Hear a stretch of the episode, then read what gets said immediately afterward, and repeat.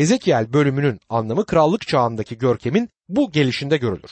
Hezekiel Mesih'in çekeceği elemlerin ardından gelecek görkeme bakmaktadır. Petrus'un dediği gibi peygamberler çekilecek elemleri ve elemlerin ardından gelecek yüceliği gördüler. Petrus 1. Petrus 1. bölüm 11. ayetti bu konuyla ilgili şöyle der. İçlerinde olan Mesih ruhu Mesih'in çekeceği acılara ve bu acıların ardından gelecek yüceliklere tanıklık ettiğinde ruhun hangi zamanı ya da nasıl bir dönemi belirttiğini araştırdılar. Sanıyorum Hezekiel bunu diğer peygamberlerden çok daha iyi gördü. Şimdi Hezekiel kitabının ana hatlarına bakalım. Rabbin yüceliği ve peygamberin görevlendirilmesi birinci ana bölümü oluşturur ki yüceliğin sergilenişi, peygamberlerin çağrılışı ve görev gücünün verilmesi, peygamberin hazırlanması ve bekçilik görevi, Yaruşilim'in yargılanması, peygamberin saç ve sakalını kazıma belirtisi, Yaruşilim'i vuran kılıç ve kalanların kurtarılması ve son olarak da Yaruşilim'in başına gelen son felaketle ilgili peygamberlik işte bu başlığın altında yer alır. 1 ila 7. bölümler bunları konu edinmektedir. İkinci ana konu ise Rabbin yüceliği, Yaruşilim ve İsrail'in esir düşmesi, yüceliğin ayrılmasıdır ki bunu 8 ila 24. bölümler arasında görürüz. Yüceliğin görümü, putperestlikle tapınağın kirletilmesi, Tanrı'nın yüceliğinin tapınaktan ayrılmaya hazırlanması, Tanrı'nın yüceliğinin kutsal yeri doldurması, Yarışilim yöneticilerine karşı peygamberlik, Hezekiel'in Yarışilim'in yokuşunu canlandırması yani oynaması, sahte peygamberlere karşı peygamberlikler, ihtiyarların putperestliğe karşı peygamberlikleri, Yarışilim'in belirli şekilde yok oluşu, bir asma görünümü, Yarışilim'in Tanrı tarafından evlat edinilen, terk edilmiş bebeğe benzetilmesi hep bu başlığın altında anlatılmaktadır. Aynı zamanda iki tane kartal bilmecesi, günahın karşılığının ölüm olduğunun vurgulandığı 11. bölüm, Yehova'nın İsrail beyleri için yaktığı ağıtın anlatıldığı 12. bölüm, ulusun günahlarının gözden geçirilmesi, gelecek yargı ve eski haline gelmesi yine 13. bölümde anlatılır. 14. bölümde Babil kralının Mesih gelinceye dek Davut soyundan gelen son kralı ortadan kaldırması anlatılırken 15. bölümde Yarışilim'in iğrençliklerinin gözden geçirilmesi, iki tane kız kardeş yani Samiriye ve Yarışilim benzetmesi 16. bölümde anlatılırken paslı kazan benzetmesi 17. bölümde anlatılır. Bu kitabın üçüncü ana başlığı ise Rabbin yüceliğinin ulusları yargılamasıdır ki 25 ila 32. bölümler arasında bunlar anlatılır. Ammon, Moav, Edom ve Filistlere karşı yargılama 25. bölümde, Sur'a karşı yargılama 26, 27 ve 28. bölümde, 29, 30, 31 ve 32. bölümlerde Mısır'a karşı yargılama anlatılır. Rabbin yüceliği ve gelecekteki krallıkla ilgili bölümler 33 ila 48. bölümlerin ana konusunu oluşturmaktadır. 33 ila 48. bölümlerde peygamberlerin yeniden görevlendirilmesi, İsrail'in eski haline gelmesi, İsrail'in dirilişi, Gog ve Magog'un reddedilmesi, tapınağın yeniden yapılması ve Rabbin yüceliğinin geri dönüşü anlatılır. Hezekiel 1. bölüm Rabbin yüceliğinin sergilenişini anlatır. Hezekiel'in Rabbin yüceliğiyle ilgili gördüğü görüm, Tanrı'nın sözündeki görümlerin tamamını açabilecek bir anahtar olabilir. Hezekiel kitabındaki görümlerin tamamını açtığı bence kesindir. Birçok kişi vahiy kitabının Daniel'in peygamberliği ile Rabbimizin Zeytin Dağı'ndaki konuşmasına dayalı olduğuna inanmaktadır. Bu doğru ancak bunun öncelikli olarak Hezekiel'in esinlemesine dayalı olduğuna inanıyorum. Hezekiel 1. bölümdeki görümle vahiy kitabının 4 ve 5. bölümleri arasında göze çarpan bir benzerliğin olduğunu göreceğiz. Bu görüm çözümlenmesi zor olan bir görümdür. Calvin şöyle der. Bu görümün açık olup olmadığı sorulsa belirsiz olduğunu ve pek anlamadığımı itiraf ederim. Bu ifadeyle aynı fikirdeyim. Hezekiel'in görümünü ben de belirgin bir şekilde anlamakta güçlük çekiyorum. Ancak bu görümün şu olmadığından eminim. Bu mekanik çağın bir görünümü değildir. Hezekiel tekerlek içinde tekerlek gördüğünde uçağa dair bir peygamberlik yapmamıştır. Eski pervaneli uçaklar ilk çıktığında birkaç peygamberlik öğretmeni bu görümün bir uçak peygamberliği olduğunu söylediğini duydum. Bugün jet uçaklar var ve onların tekerlek içinde tekerlekleri yok. Dolayısıyla bu yorumu bir tarafa bırakmalıyız. Bu tür yorumlar bence bu peygamberlikler için çocuksu kalır. İşte bu tür saf ve gerçeği yansıtmayan konuşmalar bu peygamberliğin içini boşaltmaktadır. Hezekiel'in birinci bölümünde Rabbin yüceliğinin bir görümü olduğuna inanmaktayım. Yeşaya kitabında Tanrı'nın tahtının ilkelerini görüyoruz. Yeremye kitabında o tahtın uygulanmasını görüyoruz ama Hezekiel kitabında o tahttaki kişiyi görmekteyiz. Burada acele edip hemen şunu söylemek istiyorum. Bu görümde Tanrı'nın kendisini açığa vurduğunu görmeyiz. Onun vitrin görüntüsünü görmemekteyiz. Göreve ilk başladığımda bunun Tanrı'nın bir görümü olduğunu sandım ama durum öyle değil. Tanrı'nın yüceliğinin görümü değildir. Tanrı'nın huzurunun bir görünümüdür. Burada Tanrı'nın arabasının bir görünümü bizlere verilmektedir. Onun arabasını zaman içinde zaferle ve karşı konulamayacak şekilde sürdüğünü göreceğiz. Bu görümü ilk fark ettiğimde beni şok eden bir özelliği vardır. Bu araba boştur. Tanrı'nın orada olduğunu düşünmüştüm. Arabaya bağlı dört canlı yaratık ve kerolar var ama yine de arabadan bağımsızlar. Bütün bunlardan başka bir taht ve tahtın üstünde bir kişi var. Bu Tanrı'nın bize verilen en büyük ve yüce görümüdür ve anlaması da zordur. Şimdi bu etkileyici görümden birkaç noktaya bakalım. Hezekiel 1. bölüm 1. ayet 30. yılda 4. ayın 5. günü Kevar ırmağı kıyısında sürgünde yaşayanlar arasındayken gökler açıldı, Tanrı'dan gelen görümler gördüm der. Bu birinci ayet bize. 30. yılda ifadesi Hezekiel'in 30 yaşında olduğunu belirtiyor gibi görünür. Ne var ki birçok yorumcunun inancına göre bu farklı bir takvime uyar. Bunun ayrıntısına şimdi girmeyeceğiz. Açıkçası bu oldukça karışık bir durum ve gerekli olduğunda şimdi en azından bu zaman için sanmıyorum. 137. mezmur 1. ayette Babil ırmakları kıyısında oturup Siyon'u andıkça ağladık der. Hezekiel Tanrı'nın görümlerini görüyordu. Gerçekten bir kısım insan oturup ağlarken Hezekiel görümler görüyor. Bu bir tezattır. Hezekiel 1. bölüm 2. ayette Kral Yehoyakin'in sürgünlüğünün 5. yılında ayın 5. günü diyor. Zedekia'nın krallığı sırasında mahvolan Yaruşilim'in o dönemine daha gelmedik henüz. Hezekiel 1. bölüm 3. ayette Kildan ülkesinde Kevar ırmağı kıyısında Rab Buzi oğlu kahin Hezekiel'e seslendi. Rabbin eli orada onun üzerindeydi diyor. Kahin Hezekiel'e Rabbin sözü açıkça gelmiştir. Hezekiel Levi oymağındandır. Öyle görünüyor ki Kehat oğullarından kahinlerin geldiği koldan geliyordu. Bize Buzi'nin oğlu olduğu söyleniyor. Şimdi Kevar ırmağı o bölgeyi sulayan Fırat ırmağının ana koluydu. Yahudi esirlerin toprağa işlemeleri için oraya yerleştirildiği açıktır. Burası Babil'den birkaç kilometre uzaktaydı. Daniel ile Hezekiel'in karşılaşma şansının olmamasının nedeni bu olabilir. Daniel bölgeyi ziyaret etmiş olabilir ama Hezekiel'in Daniel'i ziyaret etmesine izin verildiğini sanmıyorum. Hezekiel 1. bölüm 4. ayette kuzeyden esen kasırganın göz alıcı bir ışıkla çevrelenmiş ateş saçan büyük bir bulutla geldiğini gördüm. Ateşin ortası ışıldayan madeni andırıyordu diyor. Kuzeyden esen kasırganın geldiğini gördüm. Birçok kişinin kuzeyin ötesinde büyük bir boşluk olduğu ve bunun da Tanrı'nın huzuruna götürdüğünü öne sürerek bu fikri abarttığını duydum. Günümüzde modern aletler orada bir boşluğun değil yıldızların olduğunu gösterir.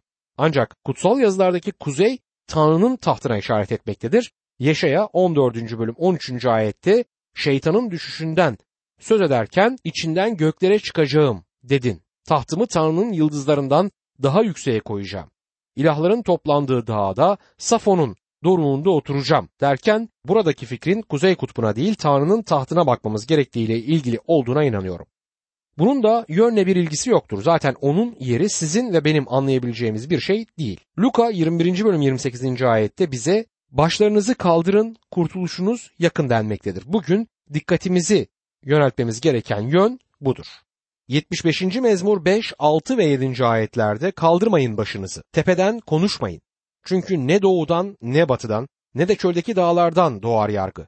Yargıç ancak Tanrı'dır. Birini alçaltır, birini yükseltir diyor. Bahsedilen yön burada da kuzeydir ve Tanrı'nın tahtının yukarıda hatta uzayın ötesinde olduğu düşüncesi egemendir. Kuzeyden gelen bu kasırga o zaman Tanrı'nın tahtından gelen muazzam bir hareketi belirtir ki bu da Tanrı'dan gelen yargıdır. Göz alıcı bir ışıkla çevrelenmiş ateş saçan büyük bir bulutla geldiğini gördüm diyor. Ateşin ortası ışıldayan madeni andırıyordu. Gördüğümüz ilk şey budur. Hem gösteren hem saklayan parlak bir ışık. Görülecek yeri belirsizleştiren ama yerini açığa da çıkaran güneşten bile parlak bir ışıktan bahsedilir. Belki de atom parçalanmasıyla kıyaslayabileceğimiz şimşeğe benzeyen bir akkordu. Tanrı'nın sözü, Tanrımız yakıp tüketen bir ateştir diyor İbraniler 12. bölüm 29. ayette. Ve Tanrı ışıktır der 1. Yuhanna 1. bölüm 5. ayet. Elçi Paulus Rabbi kabul ettiği zaman gökten gelip güneşten de parlak bir ışık gördüğünü Elçilerin İşleri 26. bölüm 13. ayette söyledi. Bütün bunlar Tanrı'nın huzurunun yaklaşılamaz olduğunu 13 ve 14. ayetlerden de anladığımız gibi dile getirmektedir. Hezekiel 1. bölüm 5 ve 6. ayetlerde ise en ortasında insana benzer dört canlı yaratık duruyordu. Her birinin dört yüzü, dört kanadı vardı der. Bu ayette 26. ayetteki gibi insan görünüşüne insana benzer ifadesi kullanılmaktadır. Mesih'in beden almasından yani Tanrı'nın insan olmasından söz ederek Yuhanna 1. bölüm 14. ayette söz insan olup aramızda yaşadı diyor Yuhanna. Yaşaya 52. bölüm 7. ayette ise bize dağlara aşıp gelen müjdecinin ayakları ne güzeldir. O müjdeci ki esenlik duyuruyor, iyilik müjdesi getiriyor, kurtuluş haberi veriyor. Siyon halkına Tanrınız egemenlik sürüyor diye ilan ediyor der. Tanrı yeryüzüne insan olarak geldi. Filistin'in tozlu yollarında yürüdü ve sonunda ellerini ve ayağını çiviler deldi. Hezekiel 1. bölüm 10. ayette her yaratığın dört yüzü vardı. Önde dördünün yüzü insan yüzüne, sağda dördünün yüzü aslan yüzüne, solda dördünün öküz yüzüne, arkada dördünün kartal yüzüne benzer bir yüzü vardı der. Vahiy 4. bölüm 6, 7 ve 8. ayetlerde şöyle yazar. Tahtın önündeki billur gibi deniz sanki camdandı. Tahtın önünde ve çevresinde önleri arkaları gözlerle dolu dört yaratık duruyordu. İlk yaratık aslana benziyordu. İkinci yaratık danaya, üçüncü yaratığın insan yüzüne benzer bir yüzü vardı. Dördüncü yaratık ise uçan bir kartala benziyordu. Dört yaratıktan her birinin altışar kanadı vardı. İçleri de dışları da gözlerle doluydu. Gece gündüz durmak, dinlenmek bilmeden şöyle diyorlardı. Kutsal, kutsal, kutsal Rab Tanrı. Evrensel egemen, önceden var olan, şimdi var olan ve gelecek olan. Bu dört yüz bize Mesih'in dört özelliğinin gösterdiği dört müjdeyi anımsatmaktadır. Krallığı Matta'da aslanla simgelenir. Hizmetkarlığı Markoz'da öküzle, mükemmel insanlığı Luka'da insan yüzüyle simgelenir ve tanrılığı Yuhanna'da uçan kartalla simgelenmektedir.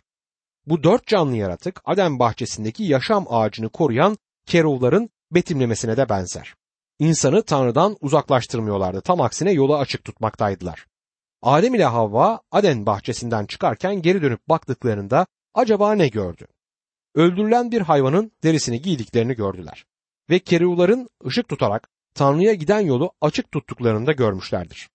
İnsanın günahının kefaretini ödeyen kandır.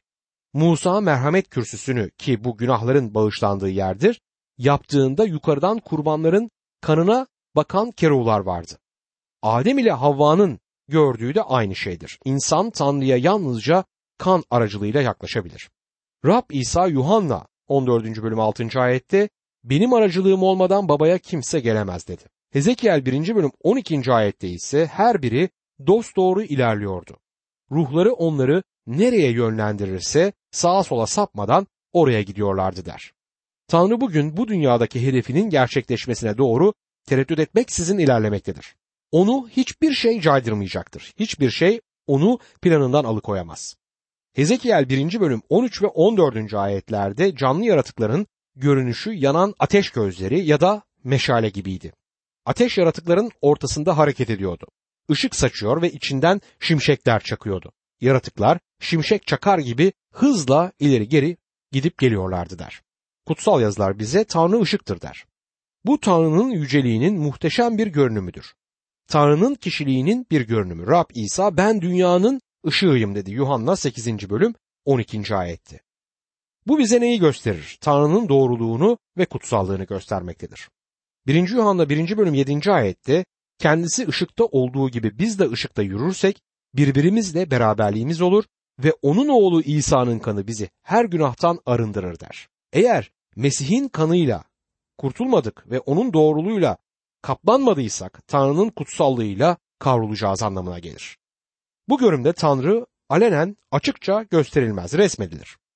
Hiç kimsenin Tanrı'yı görmediği bir gerçektir. Musa kendi yüceliğini bana göster dedi ve Tanrı onu kayanın bir kovuğuna koydu. Böylece Musa Tanrı'nın kişiliğini görmese de Tanrı'nın yüceliğini gördü. Rab ona yüzümü göremezsin çünkü insan beni görüp de yaşayamaz demiştir. Mısır'dan çıkış 33. bölümde 18 ve 23. ayetlerde. İnsana Tanrı'nın suretini yapması yasaklanmıştır. Mısır'dan çıkış 20. bölüm 4. ayet. Onun nasıl göründüğünü bilmiyoruz. Rab İsa'nın insan bedeni aldığı zaman nasıl göründüğünü bile bilmiyoruz. Ancak insan yüreğinde Tanrı'yı görmeye dair bir özlem vardır. Her bir putun bu özleme tanıklık ettiğini sanıyorum. Putlar saptırılmış olmalarına karşın insanların Tanrı'yı görmek istemelerini açığa vurmaktadır. Buna rağmen Tanrı kişiliğini insana göstermeyi seçmemiştir. Hezekiel 1. bölüm 15 ve 16. ayetlerde ise bu dört yüzlü yaratıklara bakarken her birinin yanında yere değen bir tekerlek gördüm. Tekerleklerin görünüşü ve yapısı şöyleydi. Sarı, yakut gibi parlıyorlardı ve dördü de birbirine benziyordu. Görünüşleri ve yapılışları iç içe girmiş bir tekerlek gibiydi der.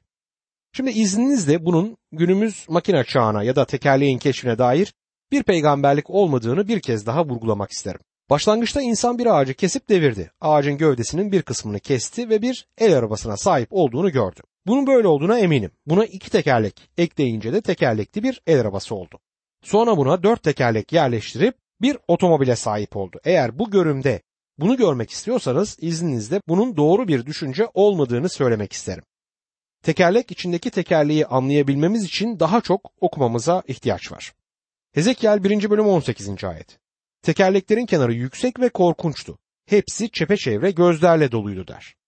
Tanrı zeki bir amacın tanrısıdır. Siz ve ben geleceğe doğru amaçsızca hareket eden bir evrende yaşamıyoruz. Tanrı'nın yarattığı her atom için bir amacı vardır ve dostum sizin için de bir planı ve programı var. Bugün sizin ve benim yaşıyor olmamız gerçeği Tanrı için bir amacı gerçekleştirmemiz gerektiğini gösterir. Tanrı dünyadaki amacını zeki bir şekilde gerçekleştirmektedir. Hezekiel 1. bölüm 19 ve 20. ayetlerde ise canlı yaratıklar hareket edince yanlarındaki tekerlekler de hareket ediyordu. Yaratıklar yerden yükseldikçe tekerlekler de onlarla birlikte yükseliyordu. Ruhları onları nereye yönlendirirse oraya gidiyorlardı. Tekerlekler de onlarla birlikte yükseliyordu. Çünkü yaratıkların ruhu tekerleklerdeydi diyor. Şimdi bu tekerleklerin Tanrı'nın durmaksızın devam eden eylem ve enerjisinden söz ettiğini daha açık bir şekilde görebiliriz. Tanrı'nın gücü her şeye yeter. Rab İsa gökte ve yeryüzünde bütün yetki bana verildi dedi. Matta 28. bölüm 18. ayetti. Tanrı ileriye doğru hareket eder ve amaçlarını da gerçekleştirir. Vahiy 4. bölümde Hezekiel'in görünümündeki bu dört canlı yaratığı yine görüyoruz. Tanrı'nın tahtını korumak için görevlendirilmişlerdir ve tahtı korurken iki şey yaparlar. Birincisi tahtı insanın günahıyla Tanrı'nın huzuruna çıkmasına izin vermeme anlamında korurlar. İkinci olarak insana gideceği yolu gösterirler. Çarmıh yolu aracılığıyla eve gitmem gerekiyor.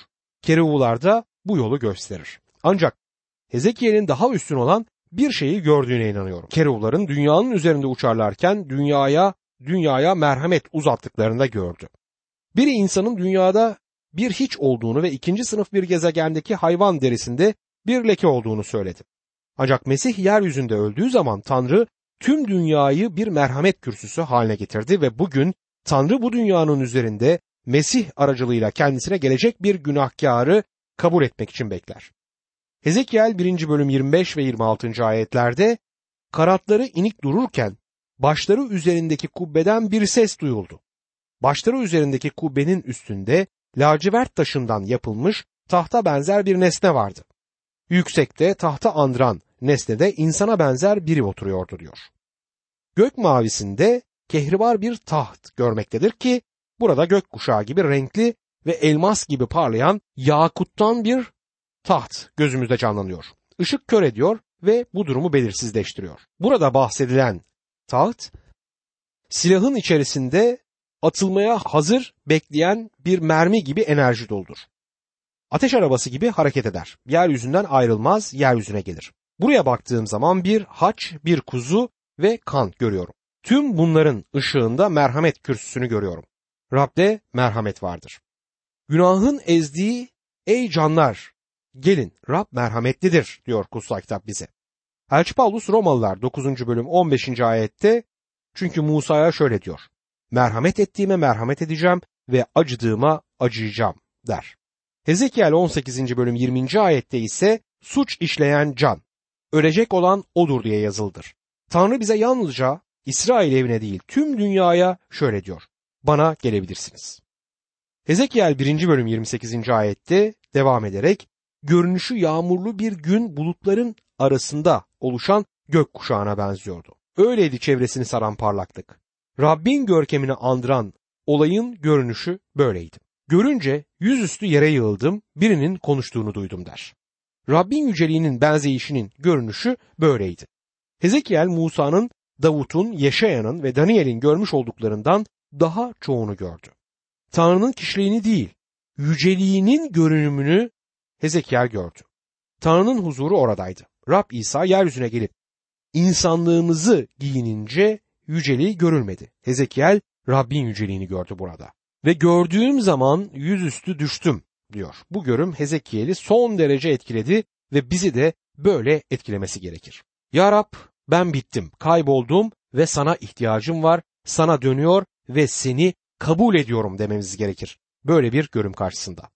Eski antlaşmada Tanrı'nın huzuruna gelen insanların yüzüstü düştüğünü görüyoruz. Yaşaya 6. bölüm 5. ayette vay başıma mahvoldum dedim. Çünkü dudakları kirli bir adamım, dudakları kirli bir halkın arasında yaşıyorum. Buna karşın kralı her şeye egemen Rabbi gözlerimle gördüm. Ve vahiy 1. bölüm 17. ayette onu görünce ölü gibi ayaklarının dibine yığıldım. O ise sağ elini üzerime koyup şöyle dedi.